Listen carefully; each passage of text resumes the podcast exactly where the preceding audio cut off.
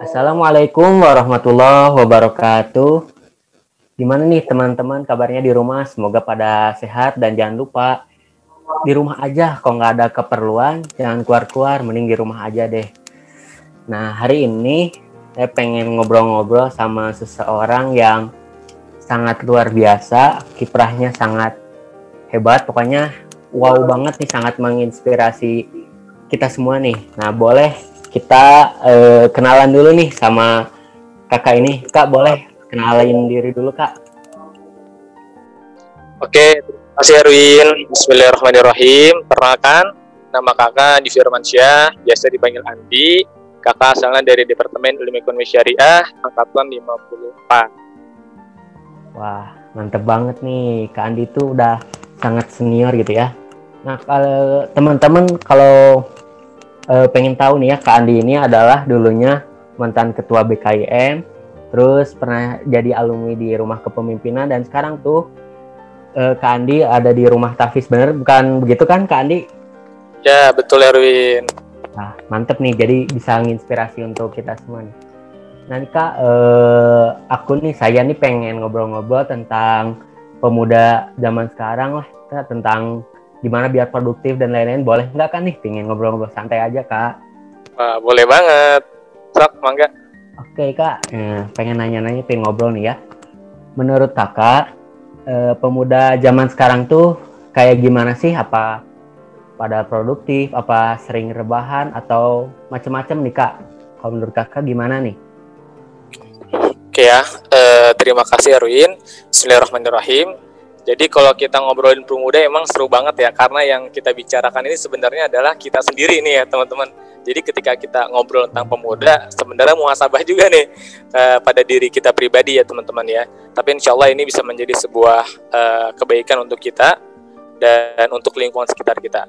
Jadi kalau dari kondisi pemuda, kalau dalam perspektif data ya teman-teman ya, kalau kita lihat dari data, dikatakan teman-teman semua kalau data di Indonesia, pemuda di Indonesia ya, uh, dalam konteks uh, jumlah pemudanya sebenarnya Indonesia itu punya sumber daya pemuda yang banyak banget teman-teman. Kalau dalam komposisi komposisi populasinya Erwin ya hampir sekitar seperempatnya itu adalah seorang pemuda. Jadi memang Wah. Indonesia ini punya sumber daya yang mantap ya dari pemuda. Dan kalau dilihat dari kondisinya teman-teman, namun sayang ya ada beberapa data-data yang menyebutkan bahwa pemuda Indonesia ini, aduh, ini sepertinya tidak yang seperti diharapkan gitu ya. Salah satunya adalah teman-teman yang paling disayangkan adalah dari risetnya Rekit Bankister ya. Cuman kakak nggak tahu bagaimana uh, metodologinya. Namun dari riset itu dikatakan 33% ya, hampir dari para pemuda yang disurvei itu dikatakan ada yang katanya pernah melakukan hubungan seks di luar nikah. Ya. Wah. Nah, ini kan bahaya sekali ya. Bahaya ada Ya, kalau 33% itu artinya ada berapa juta tuh ya pemuda Indonesia yang memang dalam kondisi tidak baik seperti itu ya. Dan uh, dan lain hal itu mungkin kalau dalam studi pribadi kakak gitu ya, dalam pengalaman pribadi ketika bersama dengan menyaksikan bagaimana pemuda-pemuda gitu ya, ketika kakak merasakan misalnya kakak sholat Uh, mungkin Erwin juga merasakan ya ketika sholat di masjid-masjid, sholat di musola-musola gitu kan ya. Kok kita merasa melihat pemuda-pemuda kok jarang ada di saf-safnya gitu ya? Iya, mulai berkurang ya, ya kak. Betul. Jadi masjid itu kok seperti sepi dari para pemuda ya. Hmm, padahal banget. pemuda ini adalah padahal pemuda ini adalah perannya sangat luar biasa apalagi dalam konteks kemajuan bangsa, perubahan bangsa, kebangkitan umat Islam. Namun sayang sekali ya kondisinya tidak seperti banyak yang diharapkan. Juga kita melihat bagaimana sekarang kondisinya terkait pacaran, pacaran ya. Nah, nah pacaran ya. ya, ini juga kan iya, padahal pacaran ini dilarang dalam agama Islam ya kan, nah, tidak diperbolehkan itu, kita. Ya. Karena ini salah satu bagian dari mendekatkan kita kepada hubungan zina gitu ya. ya. Dan pacaran ini sayangnya zaman sekarang kita ngelihat coba pacaran ini kalau zaman dulu tuh hal yang sangat tabu gitu ya berduaan hmm. antara perempuan dan laki-laki namun sekarang pacaran itu sekarang kan menjadi sebuah bagian budaya ya kan ya, dari mulai SD dari mulai anak SD loh sampai SMP ya. kakak tuh sering lihat ya Erwin ya Bener. padahal nah. SD tuh masih ah enak-enaknya main malah bikin-bikin gimana gitu kan iya uh, dan lain hal itu ya kalau kita saksikan sekarang ketika kita banyak berinteraksi kakak anak Jakarta uh, anak Jakarta kebetulan ya sering berkomunikasi bergaul gitu kan berinteraksi sama teman-teman. Kadang-kadang kata-kata yang tidak bermolar itu mohon maaf ya sering sekali terucap gitu ya. Hmm. Wah, ya dalam kata-kata kasar gitu kan kata-kata yang memang ya itu tidak mencerminkan sekali kulturnya orang Indonesia gitu. Yeah namun di lain hal itu, Erwin, sejatinya sebenarnya kita harus tetap optimis gitu ya, karena ada sebagian kecil, sebagian kecil, sebagian orang dan sebagian besar juga insya Allah ya, eh, pemuda-pemuda Indonesia yang sebenarnya itu mereka produktif dan berprestasi gitu ya. Contohnya apa? Pemuda-pemuda anak-anak IPB ya. Ya, ya, jelas. Amin, amin, nah, kan, wah ternyata banyak banget ya kak di Indonesia pemudanya hampir satu perempat ya Cuman itu kayaknya kalau misalnya dimaksimalin dengan baik, Indonesia emas tuh bakal terwujud gitu kan ya kak? Wah, sepakat sekali Erwin, Pasti betul banget. Itu. Soalnya emang udah pada keren-keren lah pemuda Indonesia, tinggal pada soleh aja, soleh pintar udah mantap, idaman itu kak. Iya, betul nah, Erwin. Eh, kalau kakak nih pengalaman suka duka menjalani masa muda, masa-masa kuliah, gimana nih kak? Eh, siapa tahu kan bisa menginspirasi kita semua nih kak gimana kak boleh sharing-sharingnya wah ya betul ya Uh, jadi kalau dari kakak pribadi ya terkait bagaimana pengalaman dari masa muda, kakak jujur memang ya dikatakan punya pernah pengalaman buruk ya iya sama ya. Namun alhamdulillahnya kakak diberikan kesempatan oleh Allah untuk bisa bertobat. Kalau istilah zaman sekarang itu berhijrah gitu ya, Hijrah, berhijrah ya. menjadi lebih baik lagi gitu. Nah kakak dulu tuh kalau dari dari mulai zaman SMP mungkin ya. Zaman SMP tuh kakak sering banget main warnet dulu. Wah mantap zaman zamannya PB bukan tuh kak? Iya betul. Zamannya PB gitu. ya kan. Sama kita aja. Dulu sering banget sering banget main-main seperti itu. Menghabiskan waktu untuk hal-hal yang tidak berguna gitu kan. Iya. nah terus uh, makin semakin lama kakak pun juga di SMP ya kakak dikenal orang yang pendiam. Erwin kakak tuh orangnya pendiam banget, banget. Jarang nih. jarang bergaul gitu ya Nah, kakak akhirnya tapi sadar Erwin semenjak kakak waktu masuk SMA ya, pertama masuk SMA ya. kakak sadar bahwasanya uh, kakak nggak bisa seperti ini, gitu, nggak bisa seperti ini terus tertutup, banyak diemnya, nggak produktif gitu kan ya. ya. Akhirnya pada saat zaman SMA kakak mulai tuh memberanikan diri, memberanikan diri untuk daftar-daftar aktivitas kegiatan ekstrakurikuler seperti paskibra, osis gitu ya. Dan alhamdulillahnya yang paling bersyukur adalah kakak gabung Rohis gitu Erwin. Wah mantap kak itu. Ya. Nah dari Rohis ini, dari Rohis ini Erwin alhamdulillah nih kakak banyak mendapatkan sebuah lingkungan yang sangat positif yang membuat kakak alhamdulillah bisa uh, merasakan nikmatnya indahnya Islam gitu ya hmm. dari Rohis. Jadi dari masa transformasi di SMA ini benar-benar kakak manfaatkan gitu ya. Sampai-sampai Erwin dulu kakak yeah. waktu kakak kan sebelumnya orangnya pendiam banget ya. Karena iya, kakak yeah, masuk pas Ibra, kakak disuruh uh, untuk memimpin upacara tuh. Wah, gimana? Pas memimpin upacara. Dan dan itu kakak adalah momen yang paling kakak inget ya, karena adalah ya. karena pertama gitu ya, kakak orangnya pendiam awalnya kan. Kakak disuruh jadi pemimpin upacara, bayangkan dari mulai uh, ujung kaki kakak sampai ujung rambut mungkin ya itu kakak bergetar loh jadi pemimpin pacara padahal dan seluruh teman-teman kakak itu dari dari kejauhan kakak ngeliat waduh pada ngetawain gitu ya Aduh. ngetawain tapi tapi sukses kan jadi pemimpin upacaranya waktu itu nah menariknya di sini Erwin di sini nah. bisa ada kita ambil pelajarannya ya jadi memang e, karena ini mungkin bagi kakak adalah salah satu langkah terobosan yang memang belum pernah kakak lakukan. Jadi banyak sekali keraguan dan timbul, aduh kayaknya nggak bisa nih namun alhamdulillah kakak terus memotivasi diri untuk berkata bisa bisa bisa dan insya Allah bisa ya. Walaupun gemeterannya nggak berhenti berhenti itu. Dan pada saat kakak memberanikan, pada saat langkah pertama ketika dipanggil masuk lapangan upacara, wah kakak merasa seperti itu. Kakak sudah kakak seperti sudah meruntuhkan sebuah bangunan yang menutupi ya menutupi produktivitas kakak gitu. Wow kakak tonjok gitu kan bangunan tersebut dan alhamdulillah kakak dari sana tuh semakin percaya diri rasanya dari pemimpin pacara itu kakak alhamdulillah dipanggil lagi jadi pemimpin pacara dipanggil pemimpin pacara gitu ya jadi aktif iya habis itu alhamdulillah aktif di osis aktif di rohis dan dan kakak juga jualan gitu ya dari SMA itu dan alhamdulillah dari sana kakak banyak dapatkan inspirasi dari SMA dapat seperti ya seperti momen pencarian jati diri mungkin ya. Kakak seperti menemukan bagaimana uh, apa namanya ya hal apa yang harus kakak dapatkan ke depan gitu ya. Alhamdulillah dari masuk kuliah gitu ya. Masuk kuliah kakak ikut eh, LDK dari tingkat pertama ikut Rohis juga. Kakak memang banyak di ranah-ranah syiar ya. LDK, Alhur, Rohis gitu ya, BKIM dan alhamdulillah diterima juga di rumah pimpinan dan di Villa Quran. Wow. Jadi mungkin oh. gitu ya. Yeah. Kalau dari hikmah yang bisa diambil mungkin gini ya, Erwin. Kalau kakak mau cerita yeah. ya. Jadi memang ketika kita sudah menekatkan diri untuk bisa berubah, ya, untuk bisa menjadi pribadi yang lebih baik, sudah menjadi sebuah kewajaran bahwasanya banyak hal yang akan mengganggu diri kita, gitu ya. Hmm. Kok rasanya berat gitu untuk bisa berubah, gitu ya. Dan rasanya banyak hal tidak percaya diri. Namun percayalah ketika kita sudah yakin dengan azam kita dan kita melangkahkan diri kita, maka langkah pertama itu insya Allah akan menjadi pembuka bagi langkah-langkah berikutnya. Hmm. Gitu Erwin. Seakan kita diringankan oleh Allah untuk terus istiqomah dalam hijrah, terus beraktivitas ya. dalam kebaikan, terus mulai produktivitas gitu. Mantap. Jadi pemuda tuh ya mungkin kalau misalnya orang-orang yang pengen hijrah pasti godanya pasti banyak ya kak. Tapi kalau misalnya kita percaya diri dan yakin, insya Allah bisa dilewati bener kan kayak gitu kak kayaknya ya. Iya, insya Allah seperti itu. Jadi harus harus optimis dan yakin.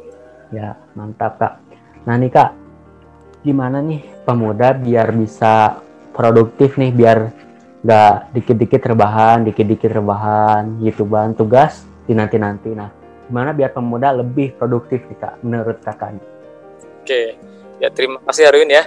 Nah, kalau bicara produktif ya ini Bismillah kakak pun adalah orang yang sedang berusaha untuk terus bisa dalam konteks produktivitasnya dijaga gitu ya. Yeah, yeah. Mungkin Erwin termasuk gitu ya. Jadi kita sama-sama yeah. belajar. Nah, dalam perspektif Kakak pertama gini, kita harus pahami ya terkait makna produktif itu sendiri apa gitu ya. Nah, kalau yeah. dari KBBI, produktif itu diartikan apa? Menghasilkan sesuatu, ya kan? Sesuatu yang menguntungkan, bermanfaat gitu. Nah, mungkin kalau dalam perspektif Islam, kita tarik dalam konteks Islam nih Erwin, maka yeah. produk itu kalau bagi Kakak dalam perspektif Kakak produktif itu adalah bagaimana setiap aktivitas kegiatan kita itu diridhoi oleh Allah dan menghasilkan hmm. sesuatu yang bernilai ibadah, bernilai hmm. pahala hmm. gitu ya. Jadi itu start pointnya ya, Erwin. Nah, terus berikutnya bagaimana? Kita harus menguatkan why kita Erwin untuk bisa why. Menjadi manusia produktif. Why-nya, strong why-nya harus diperkuat gitu ya. Kenapa? Kenapa kita harus produktif gitu ya? Nah, ini kakak mau berbagi ya. Salah satunya adalah gini Pertama harus kita yakini Erwin bahwasanya hmm. kita sebagai seorang manusia 24 jam kehidupan kita itu selalu diawasi oleh Allah Subhanahu wa taala. Hmm, ya enggak? Bayangin kalau misalnya Erwin diawasin terus nih sama guru Erwin, dosen Erwin dalam kehidupan Erwin. Dikasih tahu sama dosen Erwin, kalau ya. kamu melakukan kegiatan A, kegiatan B, kamu akan saya berikan nilai A gitu ya. ya. Pasti kita melakukan selalu dong uh, merasa resah dan uh, dan melakukan suatu hal yang dianjurkan oleh dosen kita gitu ya. Benar-benar. Gitu pun iya. Begitu kan ketika kita merasa selalu diawasi oleh Allah Subhanahu wa taala gitu kan ya. Kita Benar. mungkin sulit untuk melakukan hal-hal yang dilarang oleh Allah Subhanahu wa taala gitu ya. Jadi produktif mulu tuh kegiatan kita alhamdulillah terdorong untuk terus berlaku uh, produktif gitu ya. Nah, yang kedua Erwin, yang kedua adalah kita harus memahami terkait makna waktu. Apa apa itu hmm. waktu yang telah Allah berikan kepada kita ya Erwin ya. Nah ini filosofis banget sih. Jadi memang kita harus perkuat dulu ininya nih. Jadi kita harus menyadari bahwasanya kita hidup di dunia ini memang sangat singkat, ya nggak sih? Singkat ya, banget ya Erwin ya. Dan singkatnya kita udah mahasiswa. Iya betul banget. Dan saya Erwin, singkatnya waktu kita ini adalah menentukan sebuah hasil yang sangat luar biasa besarnya nilainya, yaitu apa? Ya. Kehidupan akhirat, ya kan? Benar, benar, benar. Jadi memang waktu-waktu kita ini kalau misalnya tidak dimanfaatkan dengan sebaik-baiknya untuk bisa produktif menghasilkan pahala-pahala uh, dari Allah Subhanahu wa taala, maka sayang sekali gitu ya kalau waktu kita dominasinya lebih banyak dimanfaatkan untuk hal-hal yang melalaikan gitu. Hmm. Nah, yang ketiga, filosofis juga nih, kita harus pahami bahwasanya kita diciptakan oleh Allah Subhanahu wa taala di bumi ini untuk apa? Ibadah. Ibadah. Ya kan? dan ya. tidaklah kuciptakan jin dan manusia kecuali untuk beribadah kepadaku. Hmm. Itu Azariyat ayat 56. Dan kita juga diciptakan memiliki sebuah peran Erwin. Apa ya. kira-kira Erwin perannya? Apa ya kira-kira aduh selain ibadah taat mungkin Kak. Nah, taat. peran kita betul salah satunya taat. Dan kalau dalam Quran surat Al-Baqarah 30 kita memiliki peran peran untuk menjadi seorang khalifah fil ard. Oh iya. Iya, menjadi seorang pemakmur bumi. Pemakmur bumi. Jadi kita sejatinya itu punya peran yang luar biasa hebatnya gitu ya, luar biasa beratnya. Maka kalau kita sudah memahami konteks ini Erwin, kita hmm. merasa wah seharusnya kita menjadi orang yang sangat luar biasa mendorong diri kita untuk terus menjadi orang yang luar biasa gitu ya di mata Allah. Hmm gitu jadi itu itu hal yang perlu kita kuatkan Erwin kalau menurut kakak ya nah hmm. berikutnya kalau bicara tentang bagaimananya how-nya caranya yang kakak sarankan adalah pertama gitu ya kita memiliki hmm. sebuah life planning hmm. gitu Erwin life planning atau adalah perencanaan hidup kita sebenarnya kita di dunia ini kita paham kan terkait kita ini iya. diciptakan untuk beribadah kita diciptakan untuk memiliki sebuah peran menjadi seorang khalifah gitu kan nah Terus apa nih yang bisa menjadi perencanaan kita untuk mendapatkan sebuah kemuliaan kemuliaan ya, yaitu hidup kehidupan setelah kematian itu surga. Nah, perlu kita rencanakan nih agar apa? Agar jelas gitu ya. Salah satunya mungkin kalau misalnya kita sudah memiliki tujuan, misalnya saya berazam di kehidupan dunia ini untuk menjadi seorang misalnya kalau Erwin anak TMB untuk menjadi seorang inovator di bidang uh, apa mesin pertanian pertan mesin pertanian. Ya. Dengan ini dengan ini menjadi wasilah bagi Erwin untuk bisa meninggalkan warisan kebaikan yang bisa memudahkan orang lain dan meng mengucurkan pahala-pahala yang banyak dari Allah Subhanahu wa taala. Ketika sudah jelas leveling seperti itu, nanti uh, Erwin secara otomatis ya menyusun tuh agenda-agenda Erwin agar bagaimana Erwin bisa mencapai tersebut. Jadi alhamdulillah tuh waktu Erwin menjadi jelas sekarang gua tuh hari ini mau ngapain gitu ya. Nah, besok gua mau ngapain gitu Nah, gitu kalau bisa bagusnya seperti itu gitu ya Erwin. Dan yang penting juga ya Erwin, kita ya. perlu memiliki sebuah lingkungan yang mendukung untuk kita ya. bisa produktif gitu. Benar banget. Mantap Kak. Jadi kita harus punya perencanaan, terus harus punya lingkungan yang mendukung biar kita makin produktif, produktif yang bisa menghasilkan dan yang bisa menghantarkan kita ke surga. Benar kan kayak gitu Kak? Keren. Ya, jadi itu banget. menurut kakak salah satu hal yang penting sekali untuk kita miliki. Mantap kak. Nah kak, kalau boleh tahu nih, mungkin saya dan teman-teman yang lain juga pada masih awam gitu ya. Nah pemuda di zaman Rasul tuh kayak gimana sih? Terus e, hal yang perlu diteladani e, untuk kita semua juga e, eh, gimana tuh? Boleh kak, sharing-sharing. Nah, ini juga menarik banget ya Ryun ya. Ketika kakak di invite oleh Erwin dan kawan-kawan untuk ngisi ini ya, kakak hmm. mulai meliterasi tuh, mulai mencari gitu kan Mantap. terkait pemuda zaman Rasul dan memang itu sebegitu indah ya, begitu indah dan sangat apa ya? Kakak itu sangat terkagum-kagum Erwin, bingung sampai kakak tuh, sampai kakak bicara sama teman kakak, bertanya gitu sama teman kakak, kok bisa sih ya pemuda zaman Rasul tuh seperti itu? Hmm. Karena memang luar biasa Erwin. Gitu beberapa hal yang mungkin bisa kakak angkat kisahnya adalah bagaimana kisahnya Abu Bakar bin Siddiq gitu ya. Dan menariknya gini Erwin, ternyata hampir uh, kebanyakan daripada sahabat Nabi adalah seorang pemuda Erwin. Kalau kita menarik definisi pemuda itu umurnya di bawah 40 tahun. Abu iya. Bakar masuk masuk agama Islam di umur 37. Umar bin Khattab masuk agama Islam di umur 23 tahun. Ali bin Abi Thalib masuk agama Islam di umur 8 tahun. Wow. Saat bin Abi Waqqas masuk ke agama Islam di umur kurang lebih 13 tahun. Jadi memang banyak sekali Rasulullah itu dikelilingi oleh orang anak-anak muda gitu ya. Hmm. Erwin. Nah, yang luar biasanya mereka itu memiliki sebuah keimanan yang uh, iman yang sangat dalam ya, iman yang ya. sangat kuat. Uh, dan mereka sangat berani sekali untuk bisa uh, mewakafkan dirinya uh, demi uh, kemuliaan agamanya, Erwin ya. Hmm dan tidak lain hal ini dicapai untuk mendapatkan surga Allah Subhanahu wa taala gitu. Salah satu ceritanya adalah bagaimana Abu Bakar ya. Abu iya. Bakar bin Siddiq ketika ketika para pemuka Quraisy mengatakan para uh, bahwa Nabi Muhammad itu orang gila gitu ya. Nabi Muhammad orang gila karena apa? Karena Nabi Muhammad itu datang uh, dikatakan uh, hanya semalam kata ya, hanya semalam ketika apa namanya? peristiwa Isra Mi'raj dari Baitul Maqdis ke Mekah padahal perjalanan itu seharusnya bisa sampai sebulan gitu Wah. ya dikatakan Benar. gila iya nah namun Abu Bakar dengan tegas mengatakan kalau memang itu yang dikatakan Rasulullah maka aku percaya nah ini gimana Abu Bakar gitu ya keimanannya Umar ketika Umar mendeklarasikan kepada seluruh uh, pasukan umat Islam gitu ya untuk keluar berdakwah walaupun harus berdarah-darah dipukuli oleh orang-orang demi menegakkan kalimatullah gitu ya.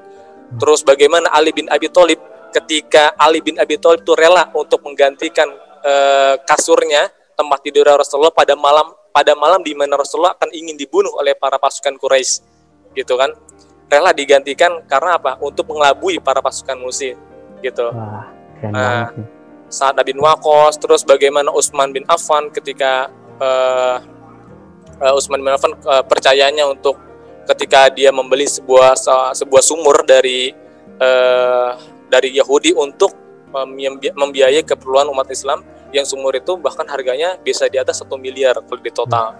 Gitu. Jadi memang dan banyak sekali ya salah satu yang paling menginspirasi Erwin kalau dari iya. kakak pribadi ya uh, Erwin tahu kisahnya ini mungkin? Tahu kisahnya Sultan Al Fatih Muhammad Sultan Al Fatih ya tahu gak sedikit itu. Ya nah bayang nah ya bayangkan loh Sultan Al Fatih itu umurnya 21 tahun namun dia sudah menjadi uh, Raja menjadi itu.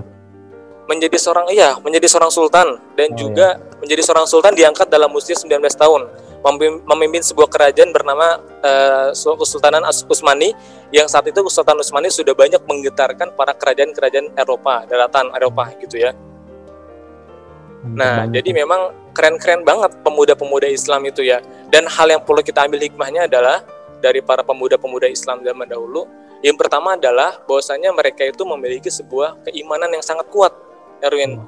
Jadi keimanan ini harus kita benar-benar latih nih dari keimanan ini kan banyak melahirkan banyak banyak banyak benefit lagi ya kalau iman kita sudah kuat ya. bahwa kita benefitnya keuntungan yang untuk di dunia apalagi untuk akhirat gitu ya hmm. jadi satu oh, jadi hmm. keren keren semua ya eh, rata-rata yang masuk Islam tuh di bawah 40 tahunan terus itu Muhammad Al Fatih 19 tahun udah menaklukkan Konstantinopel. Kita masih masuk semester 1 emang keren-keren banget ya kak pemuda zaman dulu tuh ya zaman Rasulullah tuh. Iya benar. Jadi memang luar biasa ya. Dan itu dan dan kuncinya gini Erwin. Salah satu hal paling poin penting ketika kita pelajari mengenai bagaimana kehebatan para uh, pemuda-pemuda zaman Rasul pemuda-pemuda Islam zaman dulu adalah kita tidak boleh berkata wah saya emang nggak bisa kalau seperti itu hmm. nah itu nggak boleh Erwin. Kita harus mengambil hikmahnya gitu kan? Yeah. ketika banyak pemuda zaman Rasul itu seperti itu kita harus mengambil hikmahnya. Kenapa bisa, mereka bisa seperti ini? Gitu ya. Kita pelajari gitu ya. Dan kita berazam kita juga bisa seperti itu gitu. Hmm. insya Allah bisa gitu ya. Nah, mantap kak. Jadi harus optimis percaya diri ya. Terus imannya dikokohin gitu ya kak untuk iya. bisa kayak mereka. Nah nih kak eh, penutup eh, buat pesan buat saya dan teman-teman pendengar uh, sebagai seorang pemuda nih kak gimana kak pesan dari kakak? Pesan dari kakak pribadi ya, ini juga mungkin reminder bagi kakak pribadi. Kita sebagai seorang pemuda ya, apalagi kita adalah seorang pemuda Islam ya. Kita kita sebagai seorang pemuda Islam ini memiliki sebuah uh, masa pemuda adalah masa-masa yang sangat momentum ya. Kita hmm. memiliki sebuah energi, kita memiliki sebuah banyak hal-hal yang bisa kita lakukan untuk bisa menjadi uh, untuk menghasilkan amal-amal yang luar biasa gitu ya. Maka konteksnya kalau misalnya dalam masa uh, pemuda ini kita tidak benar-benar manfaatkan dengan baik, maka kita sangat rugi sekali gitu ya.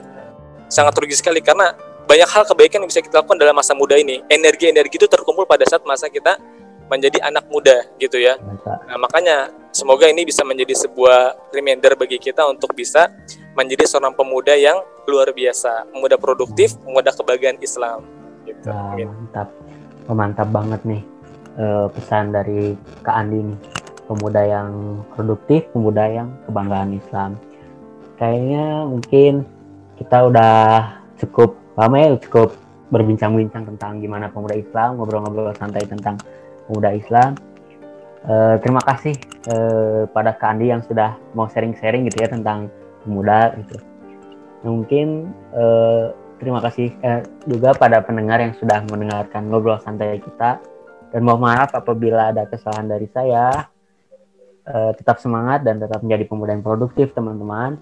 Sekian. Wassalamualaikum warahmatullahi wabarakatuh Waalaikumsalam warahmatullahi wabarakatuh. Terima kasih Erwin Zahra.